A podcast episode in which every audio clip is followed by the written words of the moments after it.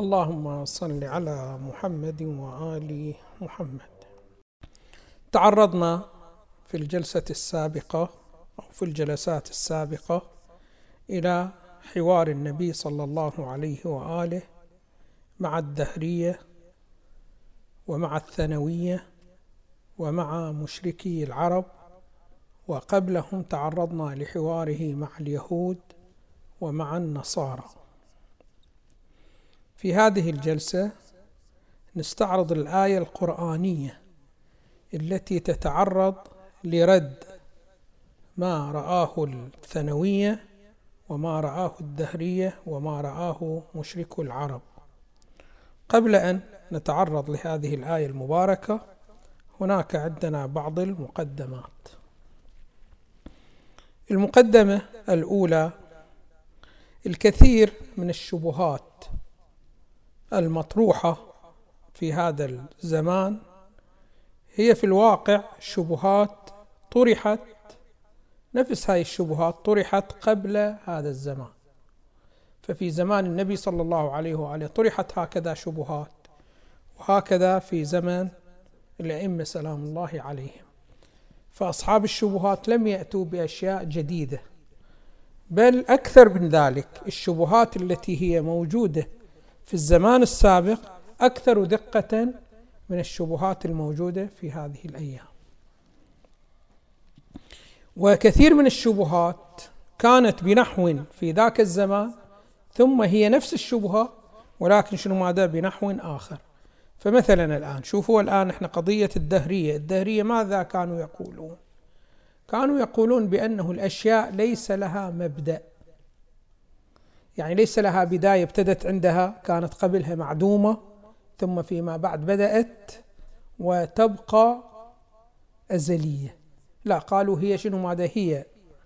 أزلية وأبدية. يعني ليس لها مبدأ بدأت منه وليست لها شنو ماذا منتهى انتهت عنه. فهي أزلية وأبدية بهذه الصورة بهذا النحو. هكذا الدهرية قالوا بهذه الصورة وبهذا النحو.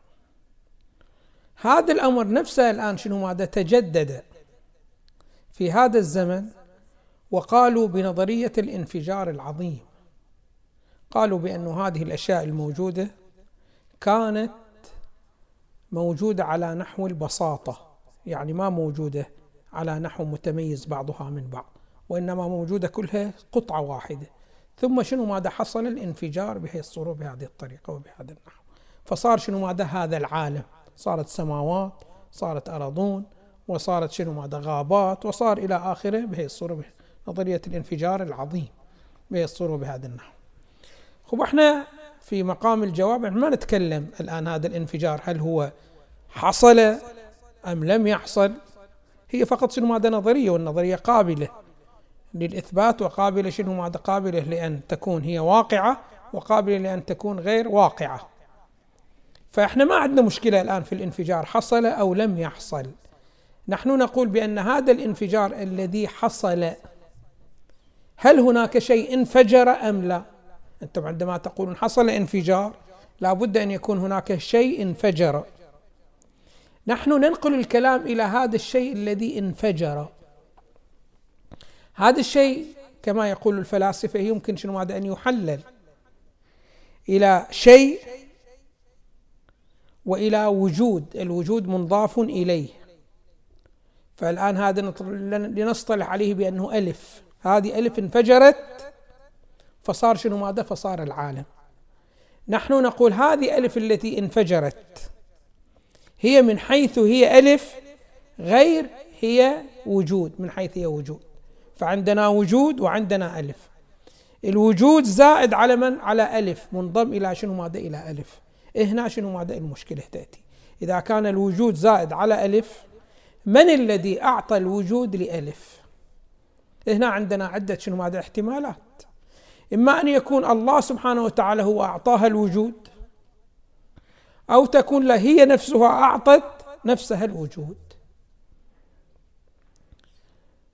بعد لأنه هذا شيء زائد وكل شيء زائد لابد أنه قد أعطي لهذا الأمر.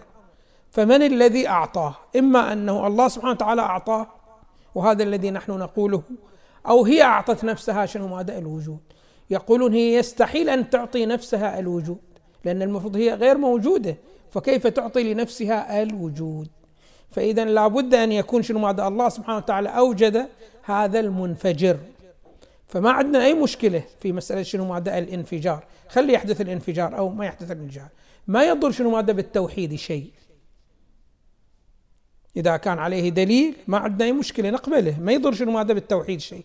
لأنه يحتاج إلى شيء قد انفجر. نحن ننقل الكلام إلى هذا الشيء الذي قد انفجر. هل الوجود عينه أو الوجود زائد عليه؟ قطعا هو الوجود زائد عليه باعتبار أن العقل يستطيع أن ينتزع منه عنوانين.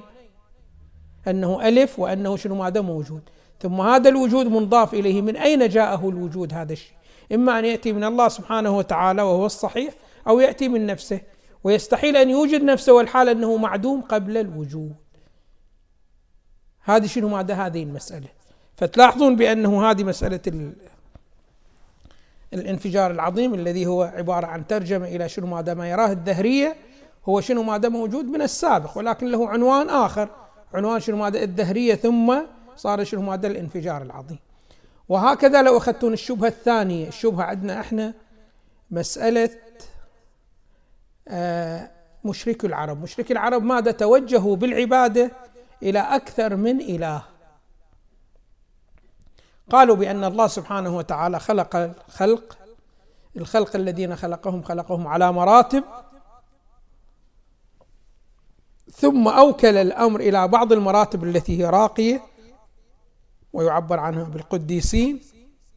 وأوكل لهم أمر شنو ماذا؟ فوض لهم تدبير أمر العباد بهي الصورة بهي الطريقة بهي النحو. هي أيضا هذه الشبهة أيضا شنو ماذا؟ تجددت في الأزمان السابقة والآن أيضا شنو ماذا موجودة. وهو الآن الآن عندنا بعض العلماء أو بعض المذاهب أو بعض المدارس ترى بأن الصفات الإلهية زائدة على الذات. ترى أن الله سبحانه وتعالى يعلم بعلم وهذا العلم زائد على الذات الإلهية. فعندنا صفة وعندنا موصوف.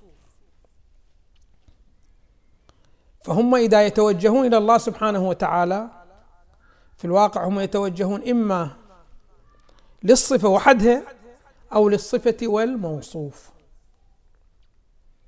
نحن شنو ماذا نقول لهم؟ أنه الله سبحانه وتعالى الذي تفرضونه وجوده في الابتداء لا بد أن يكون هو كامل جدا.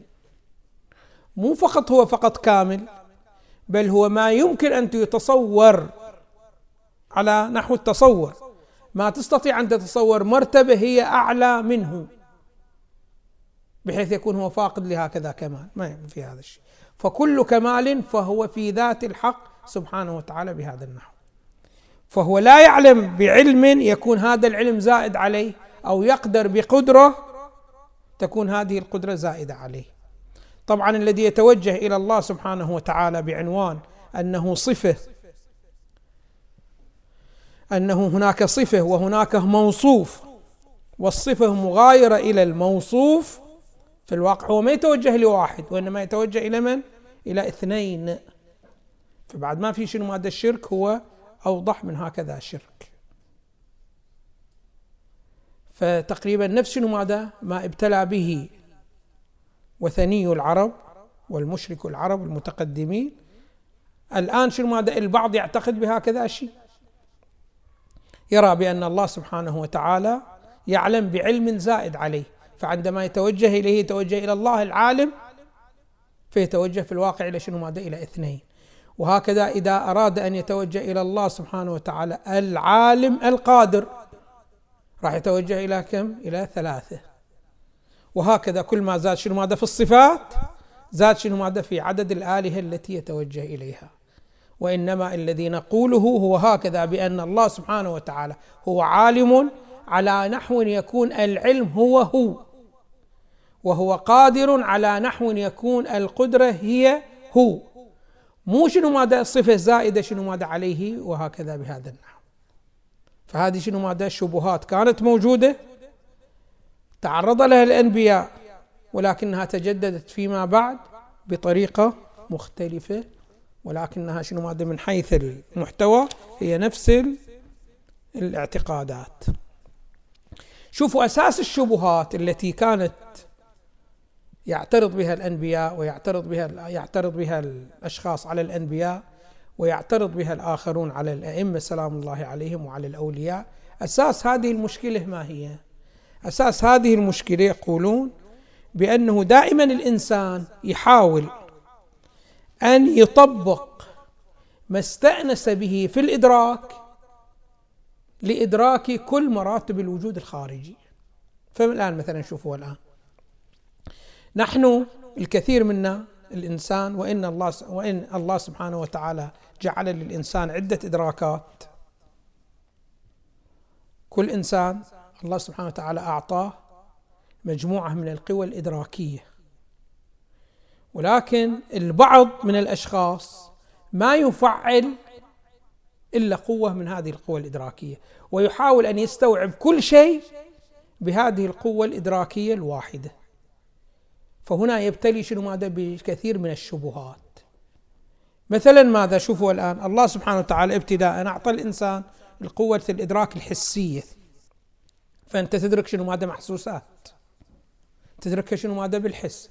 عندما تدرك ببصرك فلان. البصر هو حس. عندما تشم رائحة فلان الشم هو شنو ماذا حس. الله سبحانه وتعالى أعطاك شنو ماذا هاي الإدراكات الحسية. ولكن مو بس أعطاك هاي الإدراكات الحسية أعطاك إدراكات شنو ماذا أخرى باطنية. فأنت الآن عندما تدرك أنك أنت جائع هل تدرك أنت جوعك بحس من الحواس؟ ما تدركه وإنما تدركه شنو ماذا؟ بقوى إدراكية باطنية بهي الصورة، هذه شنو ماذا؟ مرتبة ثانية من الإدراك. وهناك مرتبة ثالثة فوق هذه شنو ماذا؟ المرتبة، دائما يقولون أنت عندما تدرك بالحس إنما تدرك أشياء لها قوالب خاصة. فأنت عندما تدرك شخص من الأشخاص بالبصر تدركه مع قالب خاص معين بحيث تستطيع أن توصفه وتستطيع أن تحدده بهذه الصورة بهذه الطريقة. كذلك عندما تدرك الجوع أيضا تدركه بمقادير معينة. ولكن يمكنك أن تدرك بعض المعاني ليست موجودة بالخارج بحيث تدركها بالحس ولا تدركها بشنو ماذا؟ ضمن قوالب معينة. يعبر عن الأولى هي الإدراك الحسي ويعبر عن الثانية بالإدراك المثالي أو الإدراك الخيالي ويعبر عن الثالثة بالإدراك العقلي. البعض للأسف الشديد ما ملتفت إلا إلى ما ملتفت إلا إلى إدراك الحسي فقط. ويحاول أي شيء يسمع به أن يترجمه عن طريق شنو ماذا؟ عن طريق الحس. ويطبق عليه شنو ماذا؟ أحكام الحس. فأحكام الحس دائما تدرك الأشياء التي لها موجود في مكان لها مكان معين في الخارج. لها كيف معين لها مقدار معين بهي الصورة. فبمجرد أن يقال له بأن الله سبحانه وتعالى موجود مباشرة يريد يعلم أين هو موجود. كيف يكون هو؟ كم شنو ماذا مقداره؟ كم حجمه؟ لماذا؟ لأنه مستأنس فقط بالإدراكات الحسية. وإذا ترقى كثير فعنده فقط إدراكات خيالية أو التفت إلى إدراكاته الخيالية. بعد ما عنده شنو ماذا إدراكات من المعنى الثالث. وهي الإدراكات التي تدرك الأشياء الغير مرتبط بالجوانب المادية وغير مرتبط بالآثار المادية يعني ما في قوالب المادة وإلى آخره بس. كيف يدرك هكذا شيء؟ فكثير من الشبهات ناشئة من شنو ماذا؟ من عدم ارتقائه لهكذا أمر.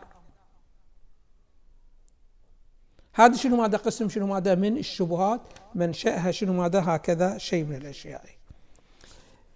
منشأ آخر شنو ماذا؟ من الشبهات أنه نحن عندما نتعامل مع بعضنا البعض دائما نشاهد بأن كل شخص من الأشخاص عندما يوجد في الدنيا يوجد بنحو فاقد لكثير من الكمالات ثم يبدأ بتحصيل الكمالات. فالآن عندما تأتي من بطن أمك تأتي وأنت ما عندك أي قدرة. تبدأ شيء فشيء تصير شنو؟ ما عندك قدرة. يعني عندما تطلع من بطن أمك تقدر تحمل لك كيلوين أو ثلاثة؟ ما تقدر تحمل. ولكن شيء فشيء تستطيع شنو ما عندما خرجت من بطن أمك ما عندك صفة العلم ولكن شيء فشيء تحصل لك شنو ماذا صفة العلم. فهاي كلها صفات الكمالات إحنا بيناتنا كلنا زائدة علينا أم هي نفسنا إحنا؟ بلا إشكال شنو ماذا زائدة علينا. باعتبار إحنا نمر مرحلة من المراحل لا قدرة لنا ثم تحصل القدرة. نمر مرحلة من المراحل لا علم لنا ثم يحصل شنو؟ ماذا؟ العلم بهي الصورة بهي الطريقة فبمجرد أن نذكر مفرده عن الله سبحانه وتعالى مباشرة يطبقون شنو؟ ماذا؟ هذا الأمر على الله سبحانه وتعالى. فكيف تكون إحنا صفاتنا الكمالية زائدة علينا؟ مرت بمرحلة فقدان ثم مرحلة وجدان مباشرة يطبق هذا الأمر على من؟ على الله سبحانه وتعالى. فيقول أيضا الصفة شنو؟ ماذا؟ الصفة الزائدة على الله سبحانه وتعالى. البعض التفت فقال الصفة زائدة ولكنها ليست بحادثة. فالله سبحانه وتعالى منذ أن كان كان عالما وكان قادرا. ولكن صفة شنو؟ ماذا زائدة. البعض الآخر صعب عليه أن يستوعب هكذا معنى فقال هي حادثة.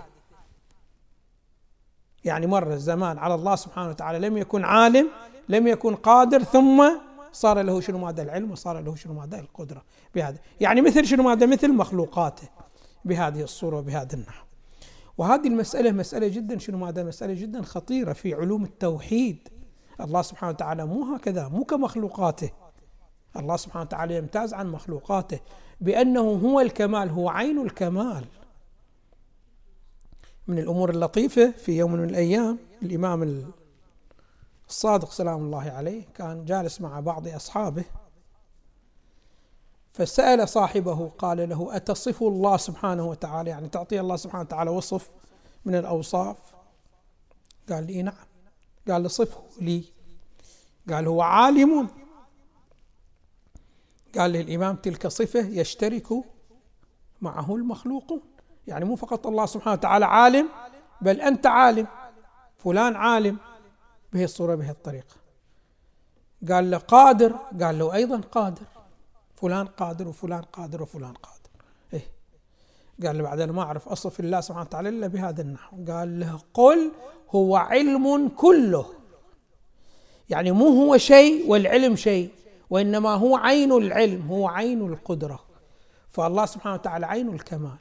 من هنا عندما نقول بأنه دروس العقائد دروس جدا مهمة حتى الإنسان يعرف عندما يوصف الله سبحانه وتعالى أو يتكلم عن الله سبحانه وتعالى يوصف الله سبحانه وتعالى بأي نحو من الأنحاء.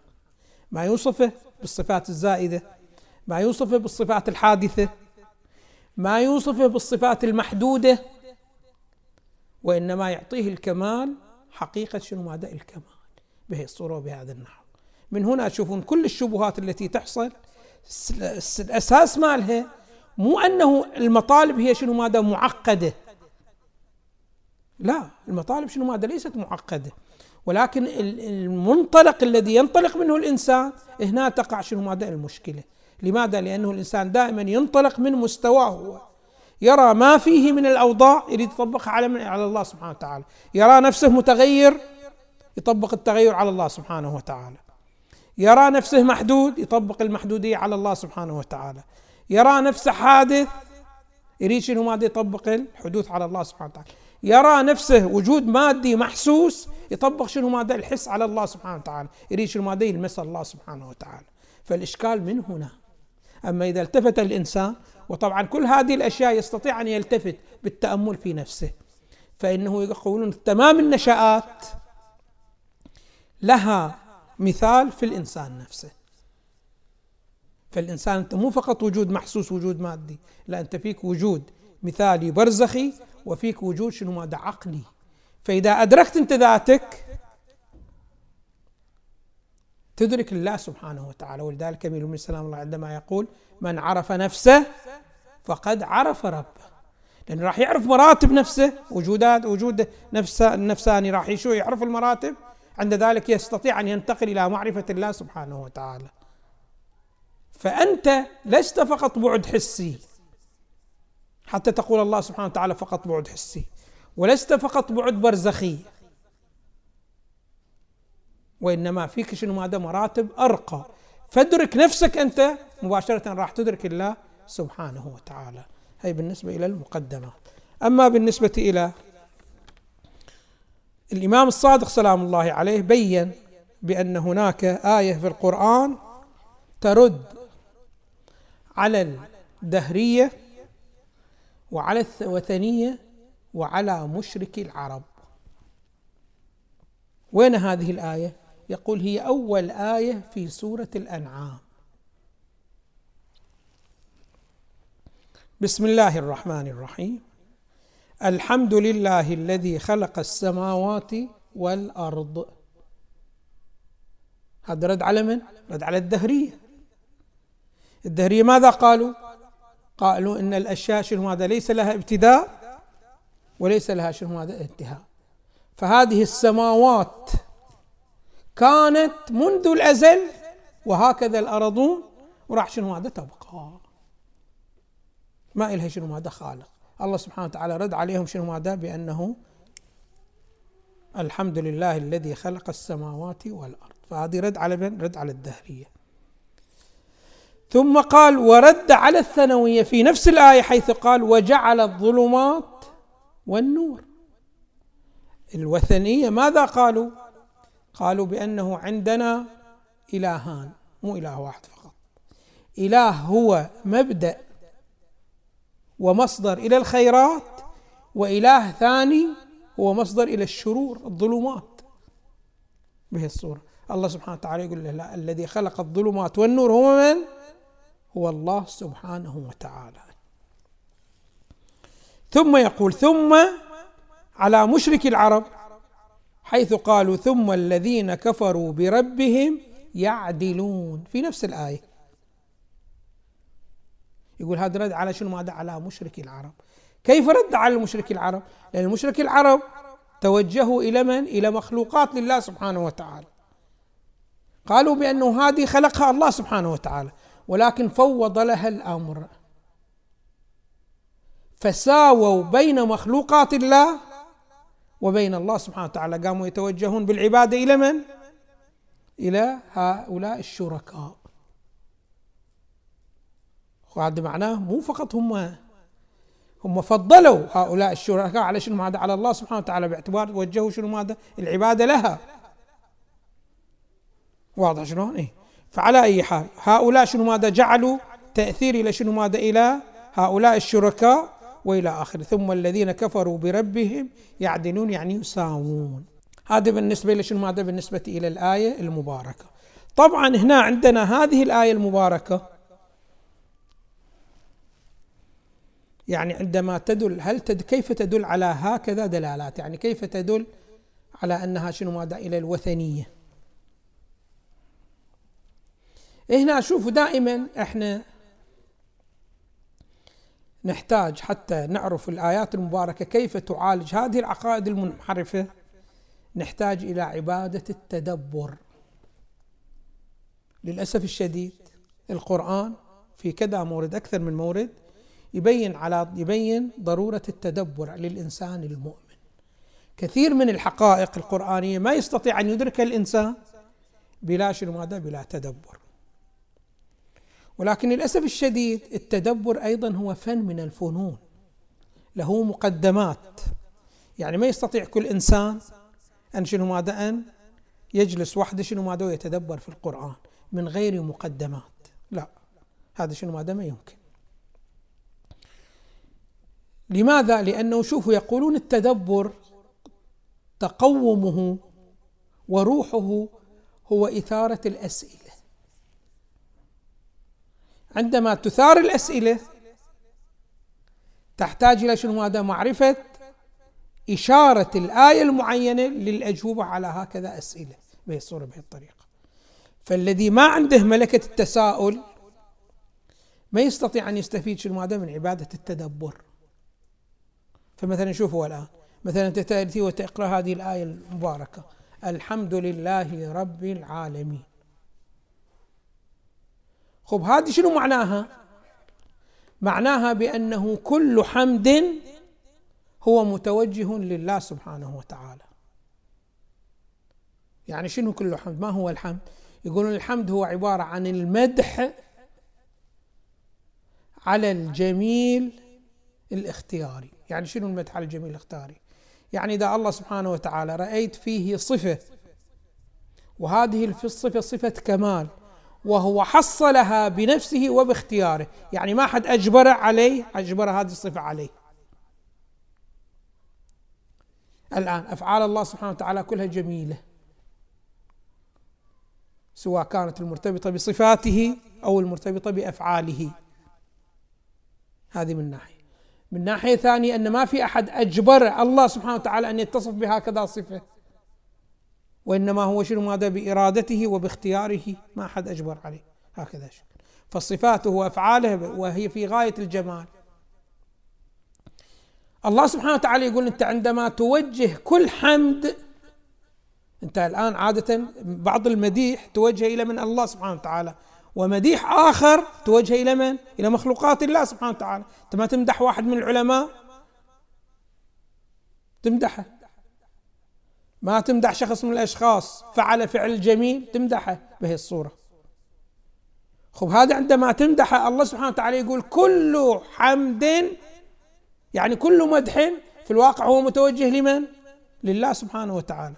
أنت وإن وجهت إلى هذا المخلوق الله سبحانه وتعالى يقول في الواقع هو متوجه لمن؟ لله سبحانه وتعالى. هكذا هي مدلول الآية. هنا أنت إذا تريد تتدبر في الآية حتى تعرف الحدود لابد أن يكون عندك ملكة السؤال. فتسأل لما؟ كل حمد أوجهه في الخارج فهو ذاهب لله سبحانه وتعالى بهذه الطريقة وبهذا لما؟ خب هنا تقول لابد من معرفة علاقة وجود المخلوقات مع وجود الخالق. وهل هناك دائرة مستقلة للخالق؟ والمخلوق غير موجود هناك. ودائرة أخرى مستقلة للمخلوق والخالق غير موجود فيها؟ هل هكذا بهذا النحو؟ أو أنه لا. حيث ما تشير فإنك تشير إلى الله سبحانه وتعالى. لماذا؟ لأن الوجودات هي في الواقع متقومة بالله سبحانه وتعالى. يعني شنو ماذا يقولون؟ هكذا نسبتك أنت شوف الآن إلى قيامك نسبتك أنت إلى الله سبحانه وتعالى. فأنت بمنزلة القيام لله سبحانه وتعالى. شلون القيام؟ ما يمكن أن نفرض له وجود مستقل عنك أنت. يمكن أن أشير إليك أنت في محل وقيامك في محل آخر؟ ما غير ممكن. وغير ممكن أن يكون شنو ماذا؟ أنت تزول وقيامك يبقى. ما يمكن. كذلك أنت وجودك بالنسبة لله سبحانه وتعالى كوجود قيامك بالنسبة لك أنت بهذا النحو. فمن هنا شنو هذا راح يتضح كيف يكون كل الحمد لله سبحانه وتعالى. هذه من الأمور شنو ماذا؟ الجيدة علينا شنو ماذا؟ أن نلتفت. فهنا عندما يقول الله سبحانه وتعالى هو الذي خلق الظلمات وخلق النور لا كما قال الوثنية. بأنه عندنا إله للظلمات وإله شنو ماذا إلى النور. لا مو بهذه الصورة. علينا هنا أن نفهم ما هي العلاقة بين النور وبين الظلمة. وهل أن النور إذا احتاج إلى من يوجده هل الظلمة تحتاج إلى من يوجدها خب معرفة هذه اجوبه للأسئلة. معرفتها شنو ماذا؟ تحتاج إلى دراسة. واحد ما عنده مقدمات ما يستطيع أن يتدبر فهنا هكذا نقول بأنه النور يحتاج إلى من يوجده ولكن الظلمه ما تحتاج إلى من يوجدها لماذا؟ لأن الظلم ما هي حقيقتها؟ هي عدم النور والعدم ما يحتاج الذي يحتاج هو الوجود يحتاج إلى من يوجده فالعدم حتى يتحقق يقولون فقط ارفع مبدأ الوجود. مباشرة العدم شنو ماذا يتحقق؟ العدم لا شيء حتى يحتاج إلى شنو ماذا؟ إلى مسبب. الذي يحتاج إلى مسبب هو الوجود. إذا كان هذا الوجود وجود مخلوق يحتاج إلى مسبب ويحتاج إلى شنو ماذا؟ إلى مبدأ. أما العدم ما يحتاج فقط من ترتفع السبب الوجود يحصل شنو ماذا؟ يتحقق العدم. مثل أنت الآن. المطر إذا أراد أن يسقط تحتاج إلى سحاب أم لا؟ تحتاج إلى سحاب. إذا المطر ما يريد ينزل تحتاج فقط إلى شنو؟ ماذا؟ إلى عدم السحاب. بعد ما تحتاج إلى شيء يوجد عدم النزول المطر. فمن هنا شنو ماذا؟ هؤلاء صار شنو ماذا؟ الشبهة. فظنوا بأنه الظلمة هي كالنور. فهذا يحتاج إلى مبدأ وهذا يحتاج إلى مبدأ. لا يا أخي. الذي يحتاج إلى مبدأ هو الوجود. إذا لم يكن هذا الوجود ضروري الوجود. فالله سبحانه وتعالى وجود ما يحتاج إلى مبدأ لأن وجوده ضروري. أما بالنسبة لغيره من المخلوقات تحتاج إلى شنو؟ ماذا إلى مبدأ. من حيث الوجود لا من حيث العدم. فعلى أي حال القرآن فيه كثير من دفع إلى شنو؟ ماذا كثير من الشبهات. ولكن تحتاج إلى شنو ماذا؟ إلى تدبر تحتاج إلى تأمل وتحتاج إلى تفكر. والحمد لله رب العالمين وصلى